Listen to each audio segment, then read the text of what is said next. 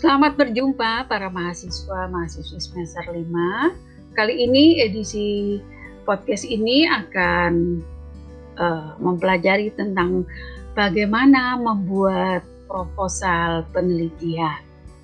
Ya.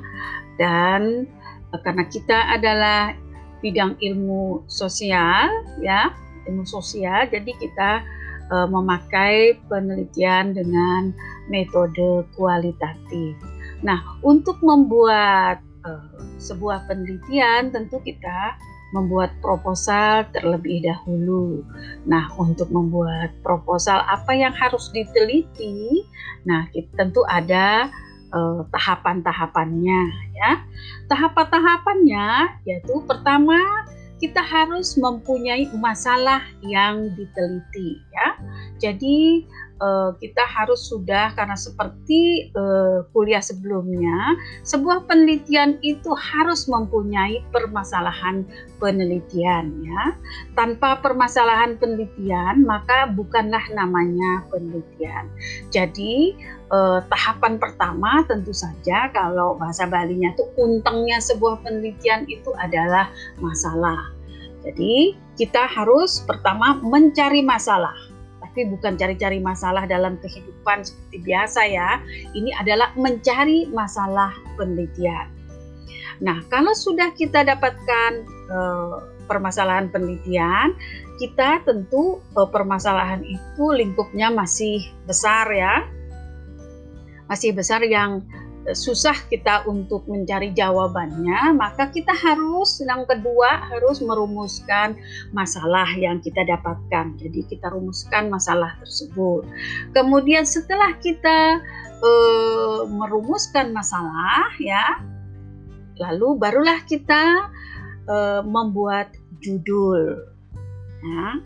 Nah, setelah membuat judul baru kita menentukan metode penelitian apa yang akan kita uh, pakai. Dalam hal ini kita akan akan memakai uh, metode kualitatif ya. Setelah kita menentukan metode kualitatif, tentu saja kita menentukan teori yang akan dipergunakan. Setelah kita uh, menentukan teori yang akan dipergunakan, maka tahap berikutnya barulah kita mencari semua rujukan, referen kita kumpulkan dulu. Jadi eh, teori eh, yang tentu saja berkaitan dengan teori yang akan kita pakai berkaitan dengan masalah yang akan kita teliti. Jadi ini kita kumpulkan mencari referen dan rujukan-rujukan.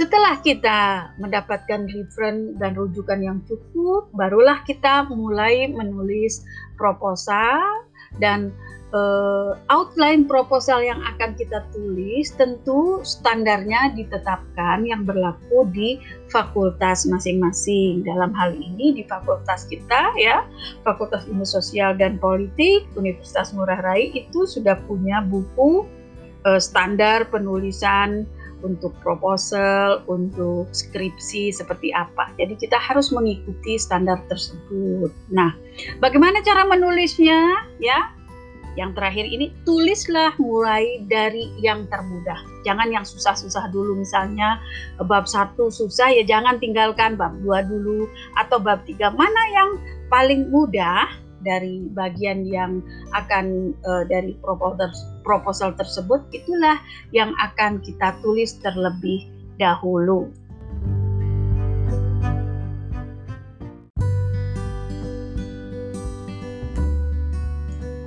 Baiklah, saya ulangi kembali. Jadi proses untuk membuat sebuah uh, proposal penelitian pertama adalah mencari masalah penelitian setelah dapat masalah penelitian. Yang kedua adalah merumuskan masalah.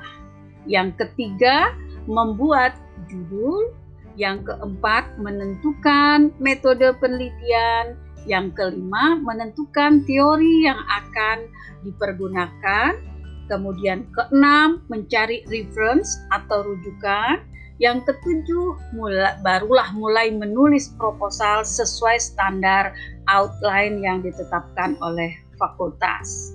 Dan yang terakhir, mulailah menulis dari bab yang termudah. Nah, sekarang kita mulai dulu yang pertama untuk mencari permasalahan penelitian. Ya, jadi jangan cari cari-cari masalah ya di mana-mana seperti permasalahan kehidupan sehari-hari. Mencari permasalahan penelitian seperti perkuliahan sebelumnya, dari mana kita cari permasalahan penelitian? Itu pertama dari hasil-hasil penelitian sebelumnya, tentu saja dari hasil penelitian yang sejenis, ya. Kemudian bisa juga dari data laporan, ya yang ketiga dari fenomena yang diamati sendiri. Misalnya yang pertama tadi dari hasil-hasil penelitian. Banyak hasil-hasil penelitian yang ternyata juga melanjutkan yang belum ditemukan. Kalau dari data laporan, ya laporan yang ingin kita lihat permasalahannya kita lihat data-data apakah menurun atau meningkat dengan drastis fenomena tersebut. Yang ketiga, fenomena yang kita amati sendiri di lingkungan uh, kita atau di tempat uh, di mana yang kita tertarik untuk menelitinya. Nah, saya misalkan saja, misalnya fenomena sekarang ini yang melanda semua uh, di seluruh dunia, tidak di tempat kita saja. Misalnya tentang COVID-19. Ini, ini kan sebuah fenomena yang melanda seluruh dunia. Jadi bukan tempat kita di Bali saja ya. Jadi eh, kita akan meneliti tentang eh, COVID-19. Nah, tentu COVID-19 ini adalah virus. Kalau kita meneliti COVID-19 tentang virus tentu ini adalah bidang kesehatan, bidang kedokteran kan gitu ya.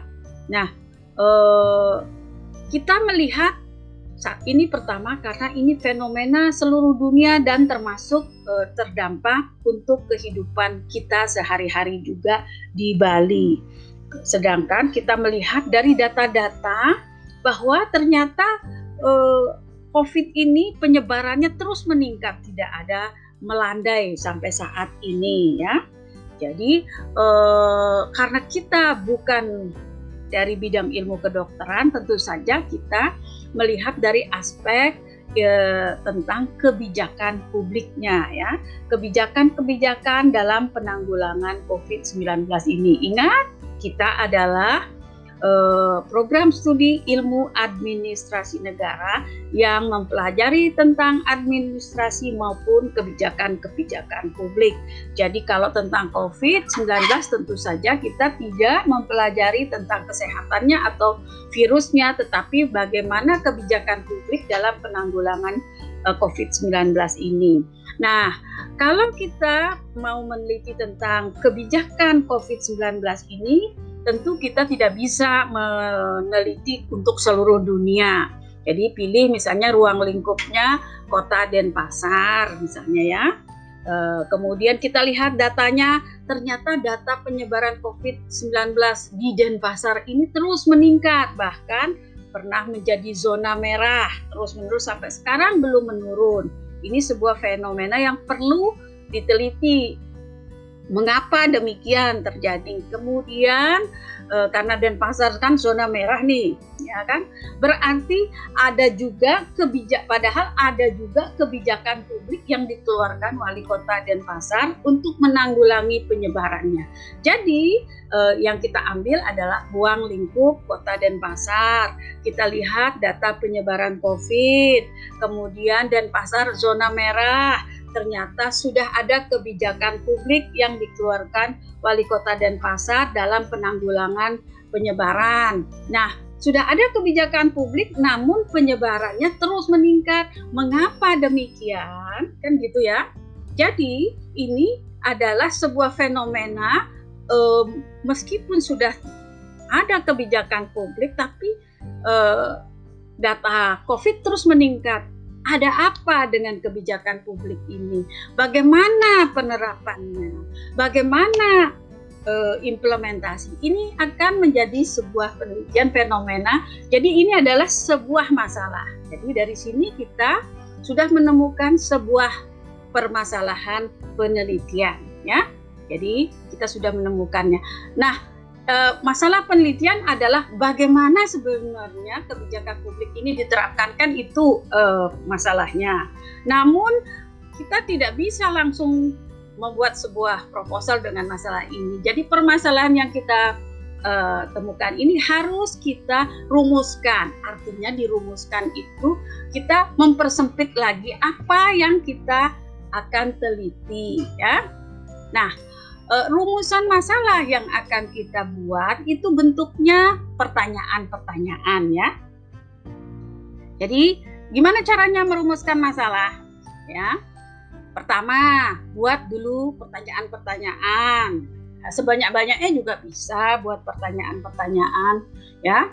Kemudian setelah membuat pertanyaan, pilih dua atau tiga yang terpenting ya.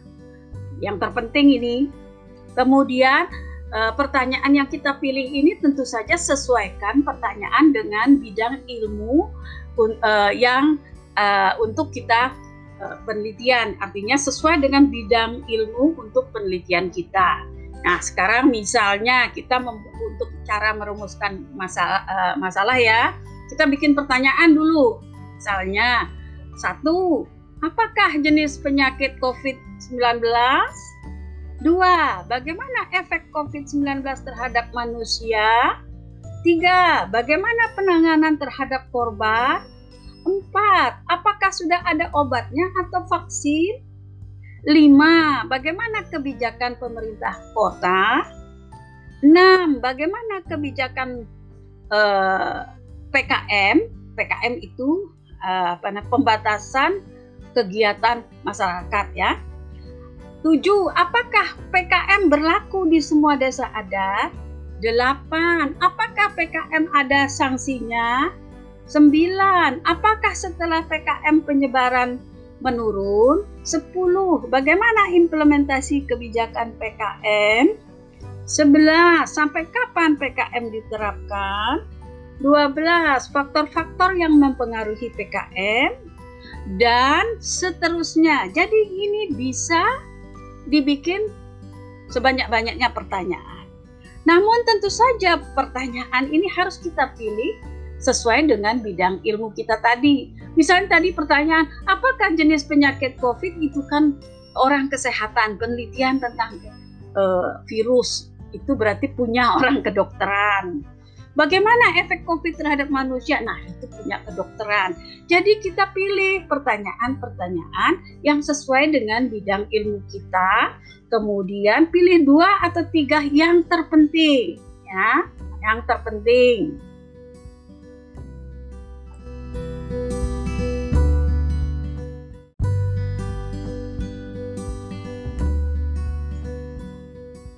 Karena kita adalah prodi ilmu administrasi negara, ya, maka dari tadi pertanyaan-pertanyaan yang sudah kita buat, maka pilihlah yang terkait dengan kebijakan.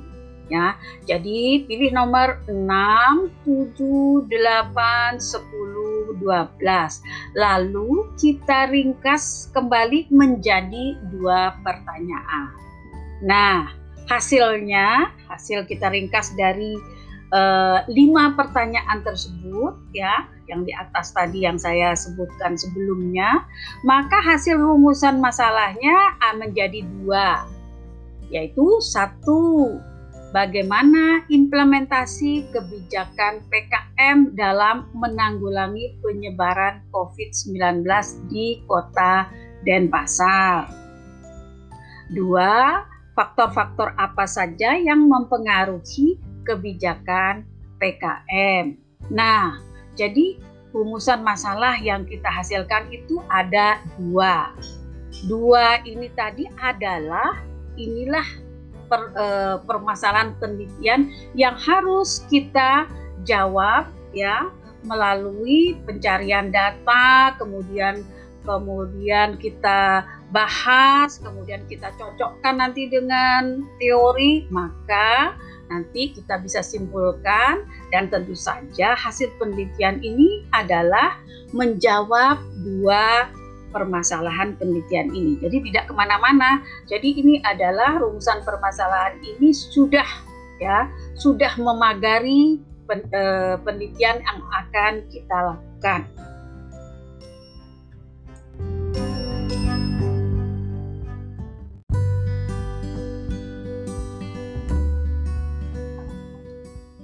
Nah, setelah kita mendapatkan masalah, lalu me, e, merumuskan masalah, maka langkah ketiga adalah membuat judul. Ya, judul penelitian kita bikin dulu. Jangan e, baru mau bikin proposal judul dulu. Per, e, biasanya para mahasiswa sal, e, banyak melakukan kesalahan menentukan judul penelitian dulu. Tidak, tidak seperti itu. Kita harus membuat rumusan masalah dulu dari sanalah baru kita membuat judul. Nah, ini adalah membuat judul ini langkah ketiga setelah kita mendapatkan masalah lalu merumuskan masalah barulah kita bisa membuat judul. Jadi, rumusan masalahnya kan ada dua tadi Bagaimana implementasi kebijakan PKM dalam menanggulangi penyebaran COVID-19 di kota dan pasar? Dua faktor-faktor apa saja yang mempengaruhi kebijakan PKM? Jadi rumusan masalah itu bentuknya adalah pertanyaan. Apa, bagaimana, gitu. Jadi eh, bentuknya pertanyaan. Yang ketiga sekarang membuat judul penelitian judul ini caranya membuat judul dari rumusan masalah yang tadi kita sudah dapatkan itu caranya adalah pertama sarikan dari rumusan masalah tersebut ya. Dari dua rumusan masalah yang kita sebutkan sebelumnya kita sarikan. Yang kedua buat dalam kalimat positif ya. Tidak boleh kalimat negatif ketiga singkat ya. Kemudian jelas waktunya. Jadi harus ada ring waktu. Tidak boleh tidak jelas penelitiannya kapan apa tahun 60 apa tahun 90 tidak jelas. Ini harus jelas waktunya. Kemudian yang keempat mengandung kata kunci penelitian. Ya kata kunci itu ya nanti kita bahas lebih lanjut apa itu kata kunci yang kelima buat beberapa alternatif judul ya. Nah, beberapa alter, alternatif judul walaupun substansinya sama, nanti tinggal mungkin pembimbing nanti yang akan menentukan yang mana yang paling pas ya. Nah, tadi itu caranya membuat judul. Nah, eh, kira-kira dari dua rumusan masalah yang sudah kita tentukan tadi ya, eh, kita sarikan dulu. Terus menjadi beberapa alternatif judul ya ini saya buat tiga alternatif. Contoh ini ya. Ya. Pertama, implementasi kebijakan pembatasan kegiatan masyarakat dalam kurung PKM dalam menanggulangi penyebaran COVID-19 di kota dan pasar tahun 2020. Itu alternatif satu.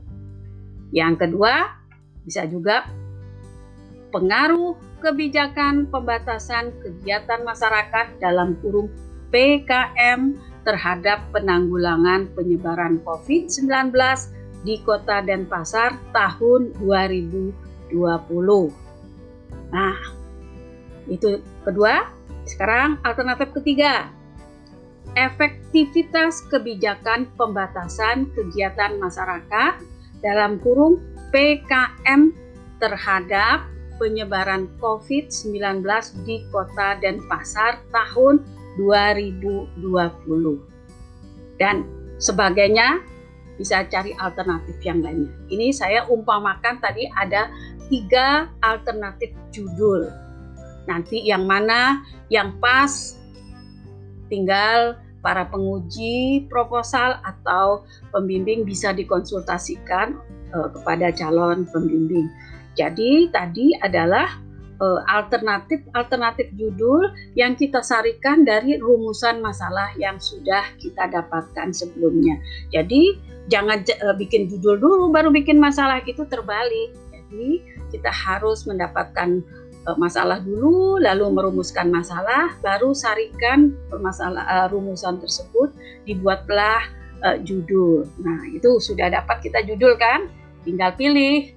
Nah, setelah kita mendapatkan judul, baru kita tentukan ini penelitian uh, judulnya ini, rumusan masalahnya sudah kita dapatkan, lalu metode apa yang akan kita pakai. Nah, itu kan ya. Nah, kita pilih apakah kita pakai metode kualitatif atau pakai kuantitatif. Ini sangat-sangat berbeda ya. Ingat, di kuliah sebelumnya sudah saya sebutkan apa bedanya, tapi sekarang saya sebutkan lagi nih ya. Beda metode kualitatif dan metode kuantitatif. Nah, dari jenis data, Jenis data kualitatif itu jenis datanya kata-kata, kalimat, tapi juga ada angka. Tapi yang utama adalah kata-kata dan kalimat. Kalau yang kuantitatif, datanya berupa angka. 1, 2, 3, 1000, 1300. Misalnya seperti itu. Lalu sumber data. Kalau metode kualitatif, ada sumber datanya primer, dan sumber data sekunder. Ya. Kalau metode kuantitatif, sumber datanya juga ada primer dan sekunder. Nanti saya jelaskan lebih lanjut pada berikutnya. Ini yang instrumen. Nah, instrumen itu alat ya. Alat alat untuk e, mengumpulkan data, mencari data. Kalau metode kualitatif, maka alatnya atau instrumennya adalah pedoman wawancara namanya. Ya, catatan-catatan apa yang mau diwawancarai, catatan namanya pedoman wawancara. Lalu ada alat dokumentasi, misalnya foto, alat foto, kamera dan sebagainya. Dan kemudian peneliti itu sendiri kalau dalam kualitatif adalah alat alat yang terpenting itu adalah peneliti itu sendiri ya untuk mengumpulkan data. Sedangkan pada metode kuantitatif ya instrumennya kuesioner ya, kuesioner. Jadi bukan pedoman wawancara, terus alat dokumentasi. Jadi penelitinya belum tentu dia bisa uh, tidak perlu jadi alat juga bisa kuesioner ini bisa dititip orang lain yang membawakan mengisinya. Tapi kalau untuk kualitatif harus peneliti itu sendiri. Jadi jangan kebalik instrumennya kalau sudah pakai kuesioner maka pastilah itu metode kuantitatif. Kalau pakai metode kualitatif pasti namanya bukan kuesioner, namanya pedoman wawancara. Ya. Kemudian cara pengumpulan data. Nah, ini kalau pengumpulan data dengan kualitatif, pertama observasi ya tetap dilakukan dan cara pengumpulan datanya adalah wawancara mendalam. Si peneliti akan mewawancarai e, narasumbernya ya e, dengan mendalam. Nanti apa itu mendalam? Nanti kita e, bahas lebih lanjut pada podcast berikutnya. Sedangkan pengumpulan data pada metode kuantitatif, cara pengumpulan datanya ya dengan observasi juga dan survei. Dia tidak wawancara, dia survei. Jadi kuesioner yang tadi itu dibagikan ya bisa terus diisi itu. Jadi itu namanya metode survei, tidak pakai wawancara. Nah, lalu analisis datanya bagaimana? Kalau metode kualitatif, analisis datanya dengan deskriptif, memakai narasi. Sedangkan metode kuantitatif, analisis datanya tentu dengan statistik. Statistik itu ada macam-macam eh, apa? Eh, ada rumusnya. Jadi ini adalah hasil data yang dikumpulkan tadi dari ser, uh, dari kuesioner itu berupa angka dianalisis dengan uh, alat yang namanya statistik. Itu bedanya. Jadi kita menentukan dalam hal ini kita menentukan uh, pakai karena kita adalah bidang sosial ya. Kita lebih banyak memakai metode kualitatif. Jadi sekarang kita pilih metode kualitatif ya. Nah, setelah kita memilih metode kualitatif, apa yang kita lakukan? Tahap berikutnya adalah menentukan teori.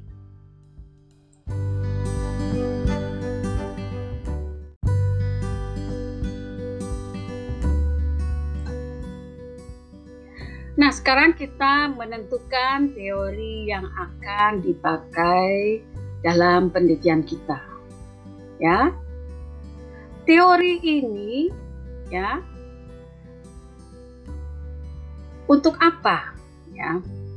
Teori ini sangat penting uh, dalam sebuah penelitian ya tadi ya. Teori ini adalah untuk membedah permasalahan penelitian ya jadi eh, gunanya teori dipergunakan untuk membedah sehingga kita bisa menjawab permasalahan penelitian kita. Tadi kan ada dua permasalahan penelitian kita ya. Ingat sudah saya sebutkan sebelumnya ya. Nah, setiap permasalahan penelitian dibedah mempergunakan satu teori atau juga bisa dua permasalahan penelitian memakai satu teori saja ya. Ingat, setiap permasalahan penelitian bisa pakai satu teori. Kalau dua tadi permasalahan penelitiannya jadi bisa pakai dua teori atau kedua e, permasalahan penelitian tersebut kita pakai satu teori juga bisa ya. Yang penting ya, teori itu memang cocok sama pertanyaan e, permasalahan penelitian kita. Jadi, sesuaikah uh, teori yang kita pakai tergantung. Jadi teori ini seperti sebuah pisau ya. Pisau bedah ya. Kalau kita mau membedah kelapa, apakah kita cocok pakai pisau kecil? Kan nggak cocok. Tentu pakai uh, apa namanya seperti namanya blakas gitu ya, kapak gitu ya.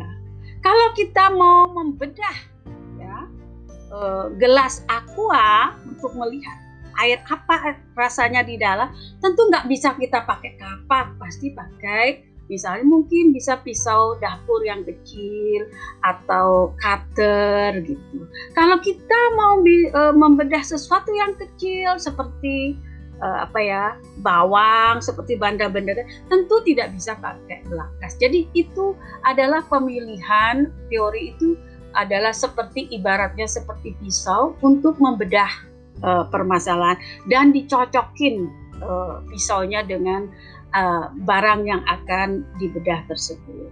Jadi ingat ya, teori itu tidak sama dengan pendapat para sarjana. Jadi kalau kalian membaca pendapat para sarjana itu belum tentu teori gitu ya. Jadi teori itu adalah hasil penelitian seorang sarjana bertahun-tahun itu yang dalam bentuk sebuah penelitian menghasilkan sebuah teori. Kalau hanya pendapat-pendapat dalam buku itu tidak bisa disebutkan teori. Ingat, dan masing-masing bidang ilmu mempunyai teori sendiri-sendiri. Bidang kedokteran tentu berbeda dengan bidang politik, administrasi tentu beda masing-masing. Dan misalnya di bidang ilmu administrasi negara ada uh, tentang manajemen, tentang uh, implementasi, itu juga masing-masing uh, itu punya teori sendiri-sendiri. Nah, dari permasalahan penelitian kita tadi, ya, saya ulang lagi. Satu, bagaimana implementasi kebijakan PKM dalam menanggulangi penyebaran COVID-19 di Kota Denpasar? Kedua, aktor faktor-faktor apa saja yang mempengaruhi kebijakan PKM? Nah, dari dua permasalahan penelitian tersebut, maka pisau atau teori yang kita pakai yang paling tepat adalah teori implementasi kebijakan. Ya, nah kita kan sudah itu cara menentukan teori dari rumusan permasalahan kita. Nah, tadi teori implementasi kebijakan ini bisa membedah satu atau dua pertanyaan. Nah, dalam hal ini, kedua pertanyaan penelitian yang saya sebutkan tadi bisa memakai satu teori saja, yaitu teori implementasi kebijakan. Ini karena ini S1, pakai saja dulu permasalahannya maksimal dua, teorinya satu. Nanti kalau sudah S2, tentu teorinya nggak bisa pakai satu, dua. Bahkan kalau S3 bisa pakai lima teori loh. Jadi eh, cukup dulu untuk S1 kita pakai satu teori untuk dua uh, rumusan atau uh, dua pertanyaan penelitian. Nah, tadi kita sudah uh, memilih teori yaitu teori implementasi kebijakan. Dalam implementasi kebijakan ini ternyata banyak juga teori-teori. Nah, macam-macam teori implementasi kebijakan ini ternyata banyak. Ahli-ahli dari uh, kebijakan banyak yang sudah meneliti dan mengeluarkan teori. Dan teori-teori yang sudah terkenal dan dipakai dalam bidang ilmu uh, terkait dengan kebijakan ya. Misalnya saya sebutkan saja di sini ya. Misalnya ini ada untuk khusus untuk uh, teori implementasi kebijakan ya. Pertama ada namanya teori George C. Edward III. Artinya ini teorinya yang menemukan adalah George C. Edward III. Ini C-nya apa ini saya juga lupa apa kesingkatannya pokoknya George George Edward III. Jadi kalau biasanya kita ngomongnya teori George Edward III. Nah, teori ini lahir tahun 1990 ya. Ini teori implementasi. Kemudian ada teori Mary Lee ya, S. Grindel. Jadi teorinya ini teori implementasi ditemukan dilahirkan oleh ilmuwan Mary Lee S. Grindel yang dilahirkan teori tersebut tahun 1980. Ada yang ketiga teori model Charles O. Jones yang lahir tahun 1996. Ada teori model Donald van Meter dan Carl van Hoorn tahun 1975. Ada teori Daniel A. Masmanian dan Paul A. Sabatier yang ditemukan tahun 1983. 6. Ada teori uh, G. Sabir Sema dan Dennis Arodinelli tahun 83. 7. Teori model Thomas R. Dyer tahun 93. 8. Ada teori David L. Wimmer dan Aidan Ervining tahun 1999. Nah ini adalah teori implementasi. Ada delapan di antaranya masih banyak lagi teori-teori lain. Inilah yang paling terkenal ya e, untuk implementasi kebijakan. Kita bisa memilih salah satu sesuai dengan nanti e, permasalahan penelitian kita. Jadi mau pakai Grindel, mau pakai Edward, mau pakai uh, Mas Manian itu tergantung nanti dikonsultasikan dengan pembimbing kita masing-masing. Nah, teori-teori ini biasanya adalah sepanjang teori ini tidak dibantah lagi oleh penelitian dan ditemukan oleh teori baru maka masih tetap dipakai ya. Jadi itu cara uh, untuk memilih teori. Jadi nggak kedelapannya dipakai salah satu. Tadi kan kita sudah menentukan hanya pakai satu teori untuk membedah dua masalah penelitian kita.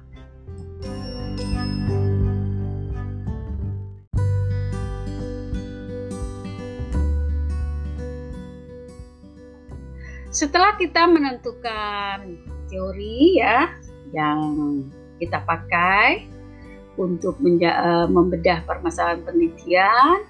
Sekarang langkah keenam, mulailah kita mengumpulkan rujukan. Rujukan tuh reference.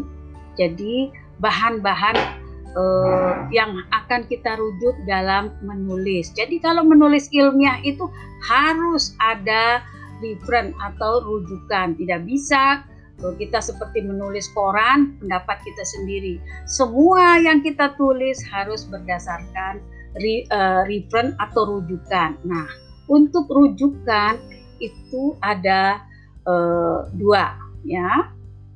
Pertama, reference ilmiah. Kedua, reference non ilmiah. Apa itu reference ilmiah? Yang disebut reference ilmiah adalah hasil-hasil penelitian yang termuat dalam satu jurnal ilmiah. Ya, ini kalian harus banyak membaca jurnal-jurnal ilmiah yang diterbitkan oleh universitas atau uh, apa namanya lembaga-lembaga penelitian dan sudah dipublikasikan dalam bentuk jurnal ilmiah dan jurnal ilmiah ini juga banyak banyak macam kelasnya ya. Dari akreditasi terendah sampai tertinggi. Kemudian hasil penelitian yang berupa skripsi ya tesis atau disertasi. Jadi skripsi tesis disertasi ini hasil uh, tulisan para sarjana S1 S2 S3 yang masih fresh. Jadi belum ditulis ulang belum dipublikasikan. Ini bisa sebagai referensi ilmiah.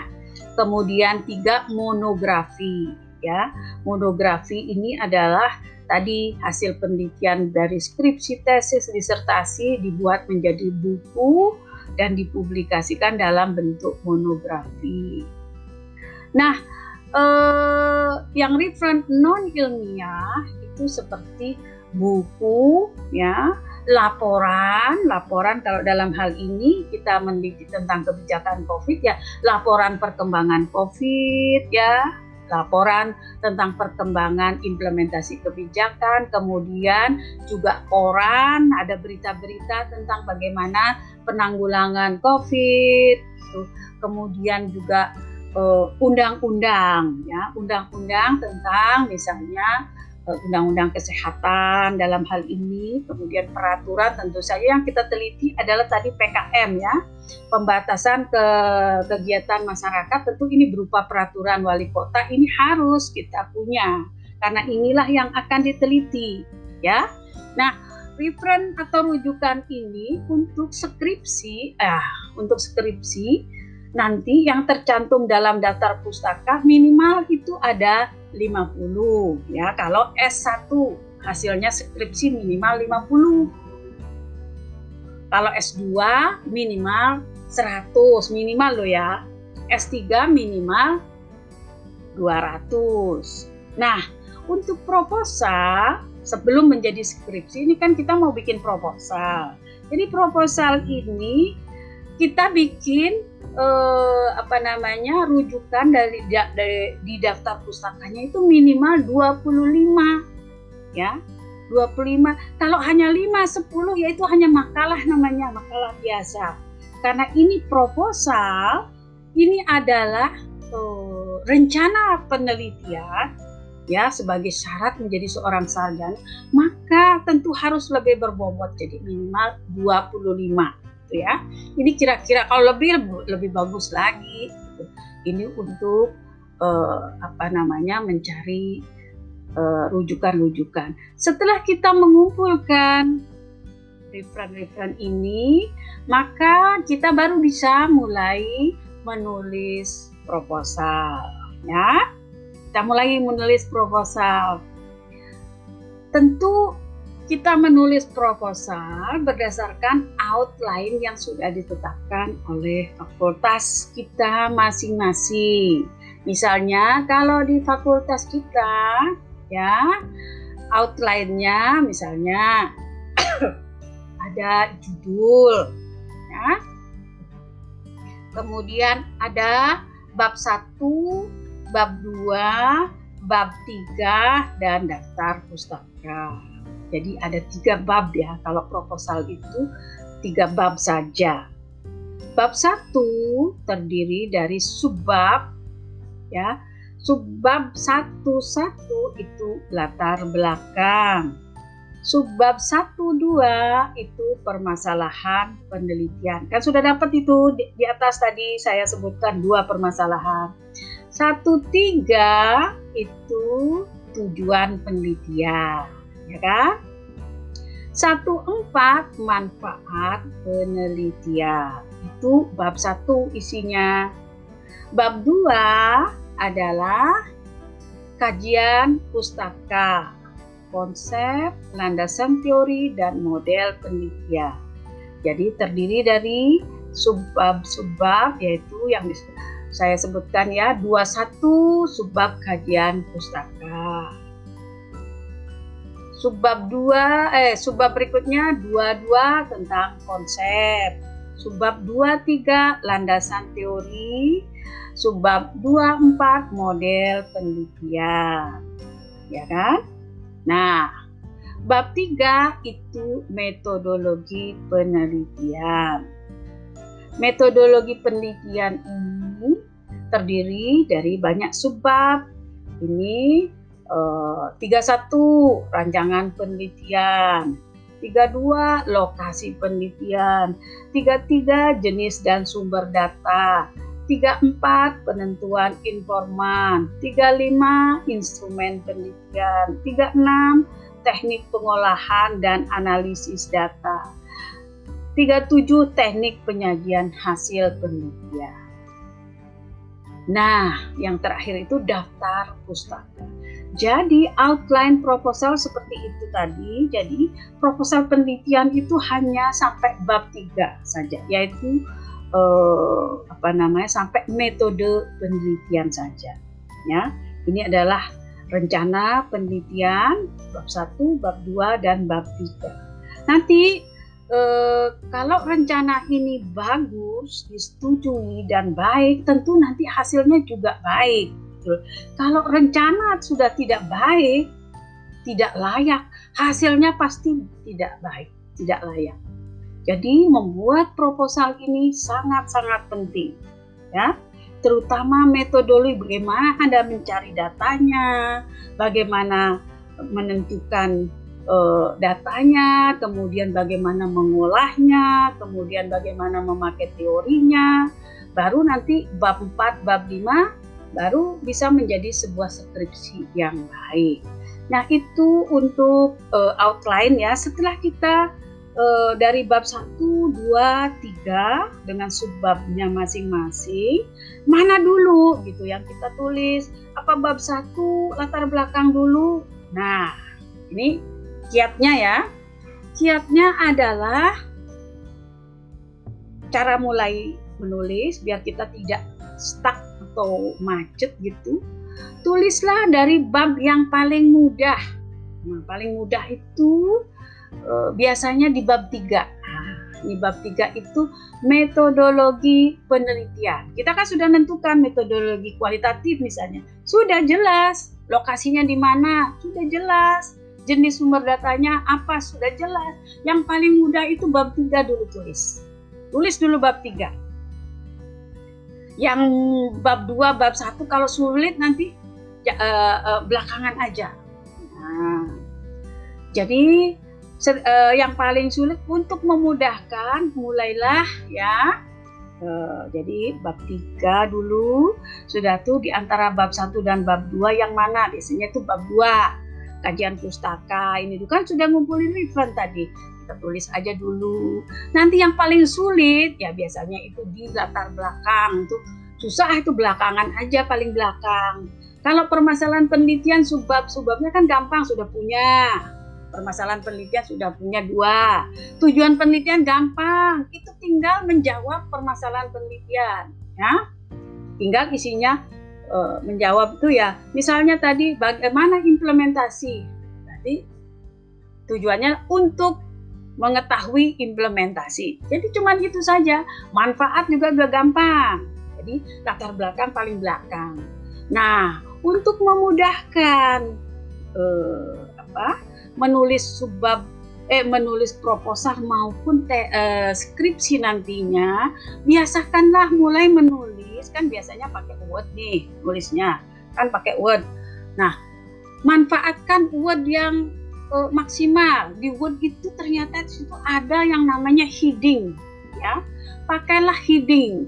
Biasakan bab satu heading satu subbabnya heading dua satu gitu. Jadi gampang. Coba cari itu soal bagaimana memanfaatkan heading dalam menulis di Word ya di Microsoft Word.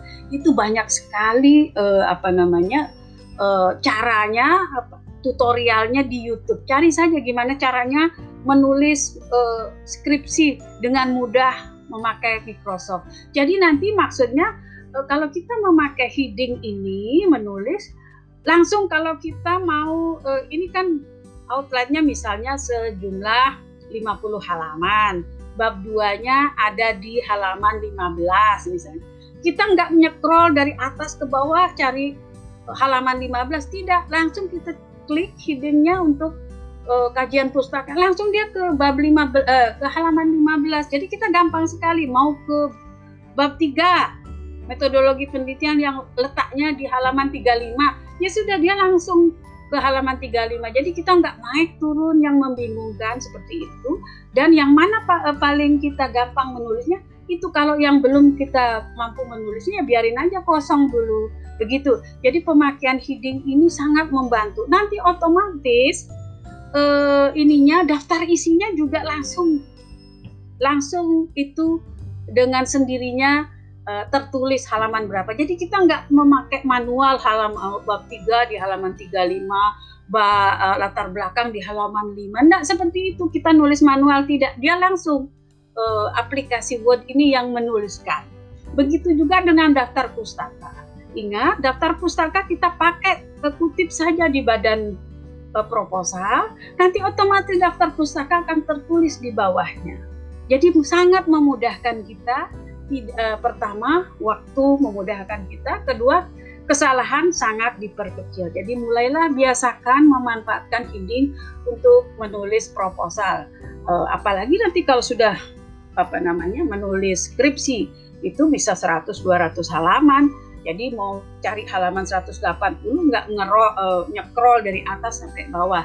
Jadi uh, begitulah cara menulis uh, proposal. Sudah ya, berarti untuk selanjutnya kita akan bahas satu persatu gimana caranya uh, menulis latar belakang, bagaimana menulis kajian pustaka, bagaimana mencari data. Kita bahas satu persatu pada podcast berikutnya. Jadi para mahasiswa, mahasiswa semester 5, demikianlah cara rangka untuk membuat sebuah proposal penelitian dengan metode kualitatif. Silakan Anda baca uh, slide yang sudah saya kirimkan di Google Classroom sedangkan uh, dengarkan kembali ya sambil membaca slide saya di Google Classroom dengarkan podcast saya dan kemudian terakhir nanti silakan absen dengan uh, apa namanya audio di Anchor. Jadi saya tahu bahwa Anda memang sudah menyimak uh, kuliah saya melalui podcast ini. Anda silakan uh, komen sedikit saja karena uh, komen di Anchor itu hanya satu menit. Jadi silakan ulas saja satu menit apa yang Anda dengarkan uh, dari saya, komen aja sedikit sehingga saya tahu bahwa Anda mendengarkan podcast ini sambil Anda bisa absen. Sampai jumpa pada podcast berikutnya.